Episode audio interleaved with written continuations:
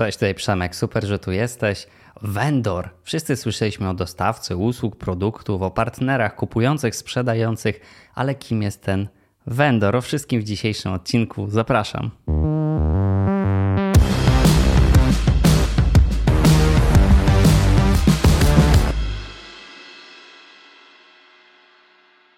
Vendor to nikt inny jak dostawca usług, rozwiązań, produktów. Jednak najczęściej to sformułowanie jest wykorzystywane w świecie B2B, czyli taki dostawca jest dostawcą dla innej firmy, jeszcze nie użytkownika końcowego, jeszcze nie konsumenta. Pójdźmy zatem tą terminologią i prześledźmy dwa łańcuchy dostaw. Pierwszy Jesteśmy software house'em. Jesteśmy firmą, która usługowo tworzy oprogramowanie dla innego klienta i w tym wypadku tworzymy produkt cyfrowy dla klienta korporacyjnego. Czym jest produkt cyfrowy? O tym opowiadałem w osobnym odcinku. Serdecznie zapraszam sprawdzić. Żeby ten produkt stworzyć, taka jest strategia jego rozwoju, osadzamy go w cloudzie. Więc my tutaj musimy pójść w lewo i skorzystać z usług jakiejś innej firmy, Dajmy na to, będzie to Amazon Web Services, czyli AWS. AWS dla nas, jako że my jesteśmy tutaj firmą, jest właśnie vendorem, jest dla nas dostawcą jakiegoś rozwiązania, czyli klocków, z których my złożymy infrastrukturę naszego przyszłego produktu. Dalej my, tworząc ten produkt, dostarczamy go do klienta korporacyjnego, który ponownie jest biznesem, czyli my dla tego klienta, dla tej korporacji również jesteśmy vendorem. I dajmy teraz na to, że ten produkt to jest rozwiązanie cyfrowe dla małych firm rozsianych po całym świecie, które są biurami doradztwa podatkowego dla klientów indywidualnych. Doradzają ludziom, którzy mają pieniądze, jak optymalizować swoje podatki.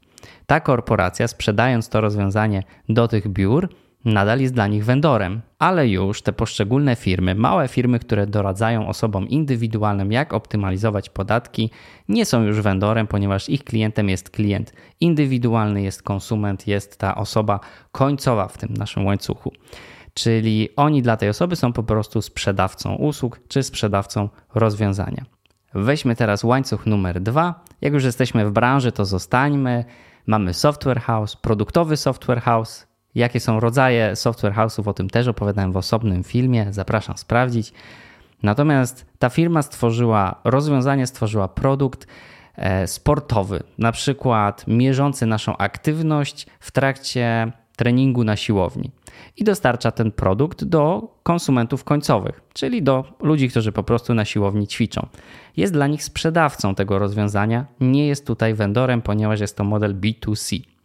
Oczywiście można się dalej dopatrywać i powiedzieć, że ale ten software house może też mieć jakichś swoich dostawców. Nie musi, może nie musi. No i wtedy te firmy, które dostarczają do software house'u usługi, to będą właśnie vendorzy.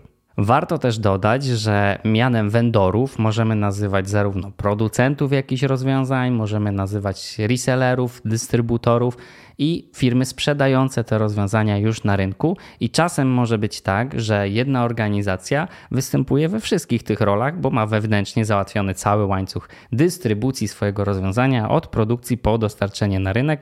Oczywiście może być tak, że każdy z tych elementów, każdy z tych etapów organizowany jest przez inną firmę, wtedy tych vendorów po prostu mamy w procesie więcej. Czyli jeszcze raz, vendor tak, to jest dostawca usług i produktów, ale w świecie B2B, w modelu B2B.